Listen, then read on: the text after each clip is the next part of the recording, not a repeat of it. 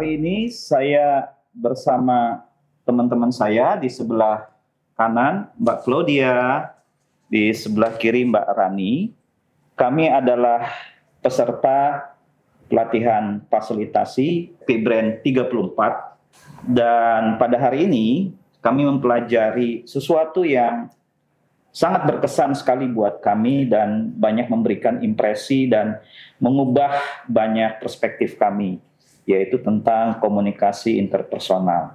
Dari pagi sampai sore kami belajar tentang teknik verbal dan nonverbal seperti body language.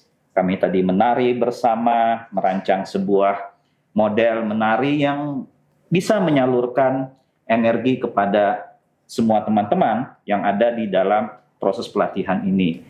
Kami juga uh, belajar bagaimana mempergunakan imajinasi kami untuk bisa membangun mimpi dan bagaimana itu bisa uh, kami capai dengan cara-cara yang mengeluarkan uh, energi yang ada di dalam diri kami dan juga mengajak semua orang untuk bisa saling membantu.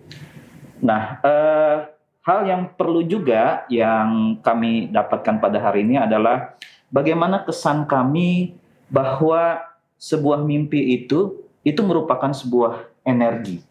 Bukan begitu ya? Iya. Claudia ya. Betul, saya setuju bahwa uh, menurut saya ketika kita melakukan gerakan, bikin koreografi hmm. atau kita belajar untuk menyalurkan suara dan energi ke orang lain, itu tuh membuat suasana uh, proses fasilitasi itu lebih hidup mm-hmm. begitu karena orang juga merasakan apa yang kita rasakan kita juga merasakan apa yang orang rasakan gitu mm. menurut Mbak Rani iya gimana uh, kalau menurut saya dan berefleksi akan apa yang hari ini kita lalui ya uh, kita tuh dari pagi udah belajar sinkronisasi suara lewat lagu terus kita koreografi lewat gerakan Terus habis itu kita visualisasi, kita menulis, kita menggambar. Terus habis itu kita juga saling bertemu. Jadi semua lima panca indera itu kita keluarkan gitu. Dan ketika proses fasilitasi itu terjadi, uh, terutama tadi yang cukup membuat saya cukup terkesan adalah ketika kita disuruh melemparkan suara Betul. Uh, lingkar seperti satu. bola begitu iya, ya. seperti bola. Seperti bola yang kalau Mbak Butsi uh, ideologikan atau kayak gambarkan itu bola energi gitu ya. Betul. Betul. Kayak gitu. Jadi uh, ketika bola energi itu dilempar, hmm. ada suara kecil yang menangkap. Hmm. Ketika bola energi yang harusnya lebih luas, ada suara yang lebih besar lagi yang menangkap. Jadi semua panca indera kita itu bekerja ya di dalam yeah. proses yeah. pelatihan ini sehingga seorang fasilitator itu bukan sekedar hanya bisa menangkap apa yang disampaikan oleh para peserta, mm kemudian juga bisa menganalisisnya, tapi juga bisa menggerakkan seluruh panca indera dari peserta iya. itu ya. Iya. Iya, iya, iya. Jadi membangun imajinasinya seperti itu. Iya. Kalau Mbak Claudia sendiri ketika merasa ada apa ada bola tetapi itu imajiner terus juga mengucapkan sesuatu memanggil menghadap orang tetapi memanggil namanya sendiri gitu ya. Iya. Itu apa yang dirasakan waktu itu? Pertama ketika melakukan itu awalnya tuh kayak wah ini saya bukannya, saya bukannya gitu. Hmm. Ini bener nggak ya, bener nggak ya? Tapi ternyata ketika kita kayak oke okay, kita membuat eye contact dulu, kita take a deep breath, hmm. kita benar menyiapkan untuk oh iya ternyata energinya ini ke saya hmm. gitu loh. Dan kita juga jadinya bisa mentransfer itu ke hmm. orang selanjutnya kan. Jadi energi itu nggak cuma ngumpul di, iya, di iya, iya, iya, iya, iya, iya, iya, kita gitu ya. Iya, kita juga setelah mendapat energi kita juga jadinya oke okay, mentransfer energi iya. lagi ke orang. energi gitu. lagi. Nah waktu waktu energi itu sampai gitu ya, apa yang kita rasakan gitu orang ketika menyerap energi kita gitu ya, sehingga seluruh panca inderanya itu bisa ikut mengikuti kan seperti menarik tadi ya itu bisa menarik yeah. mengajak orang gitu itu uh. itu gimana ya perasaannya hmm. itu ya uh, menurut aku dulu nih ya yeah. hmm. oke okay. menurut aku tuh ketika tadi kita bikin koreo nih ya terus hmm. Akhirnya oke okay, kita ngajak orang itu benar-benar merasa bahwa suasana di situ tuh hidup hmm. kita semua merasa apa uh, iya diajak gitu hmm. dan saya rasa itu adalah poin utama dari fasilitasi ya. Hmm. Bahwa semua orang itu merasa dilibatkan. dilibatkan semua sama tidak Iya. ada perbedaannya Iya, betul, seperti iya, iya. itu dan itu dirancang tidak dengan sesuatu yang sangat kaku tapi semuanya bergerak ya begitu Iya, saja gitu Iya, ya iya. Yang mungkin kalau dari saya eh, proses fasilitasi itu sebenarnya menciptakan ritme ya. oke baik Sesuatu yang ritmik dari lagu, dari gerakan, dari suara. Bahkan ketika kita ngomong A, eh, Mm-mm. kita kayak memberikan tekanan, lama-lama tangan kita berhenti gitu. Mm-mm. Itu kan salah satu kita kayak memberikan komando untuk orang lihat lihat gue dong gitu. Mm-mm. Cari atensi Mm-mm. gitu. Mm-mm. artinya kan secara tidak langsung dan mungkin di luar dari apa yang kita pikirkan gitu ya kita bisa mengkontrol juga diri kita ya, Ya, jadi ya. seperti bagaimana sih melempar bola dengan satu lingkaran dua lingkaran tiga Iya, tiga lingkaran, lingkaran. seperti Betul. itu gitu ya dan secara apa secara otomatis juga orang teman-teman kita pun juga merasakan hal yang sama barangkali begitu ya Iya, yang betul. yang terjadi ya. Nah, terus yang terakhir tadi yang soal mimpi ini. Ini mimpi ini kadang-kadang kita ada mimpi yang indah, mimpi yang kemudian tidak kita harapkan gitu. ya. Tetapi di sini kan kita belajar mimpi itu menjadi satu energi gitu ya. Ya. Jadi mimpi itu bukan sekedar bunga tidur seperti yang kita ketahui, tapi dia menjadi energi gitu. Dan apa yang dirasakan ketika kita punya mimpi, ada berbagai macam elemen untuk mencapainya, bagaimana kita mengungkapkan itu, apa yang dirasakan sekarang ini?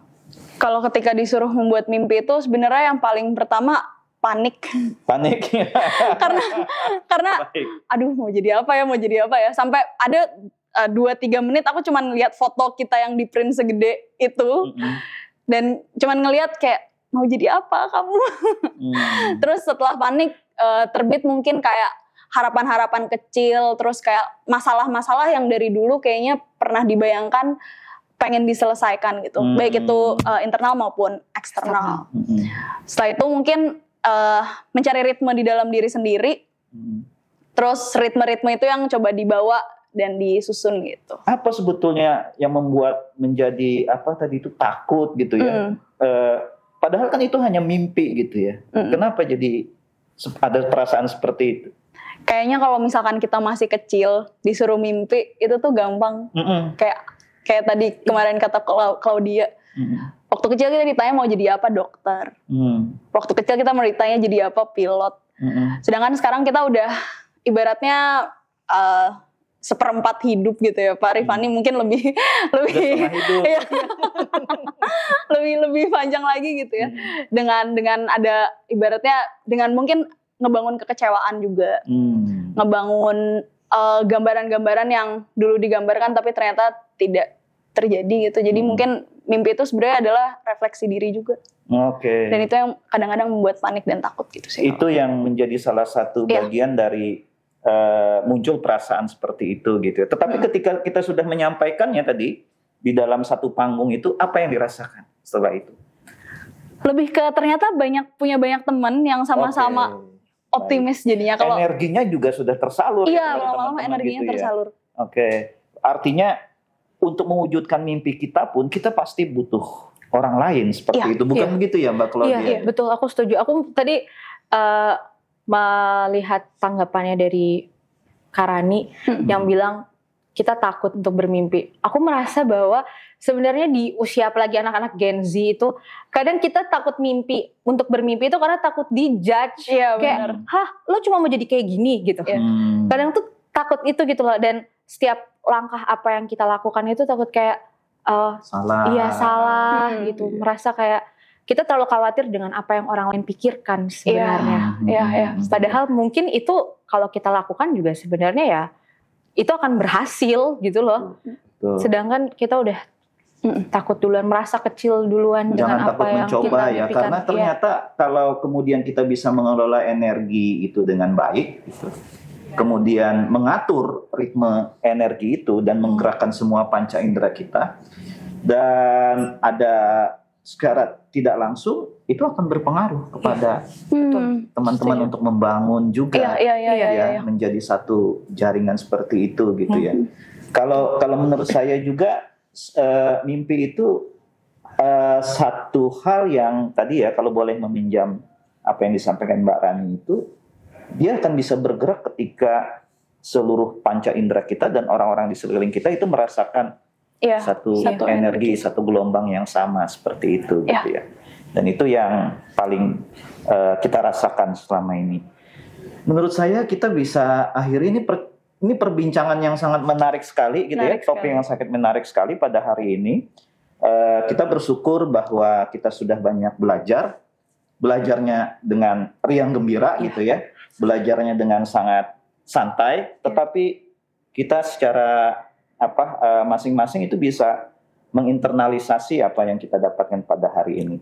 Baik, eh, kita sudahi diskusi kita pada hari ini, perbincangan kita pada hari ini walaupun tanpa kopi dan snack, tapi kita bersemangat gitu ya. Terima kasih eh, kita bisa bersama-sama. Ya salam Fibran 34. Selamat tinggal, dadah.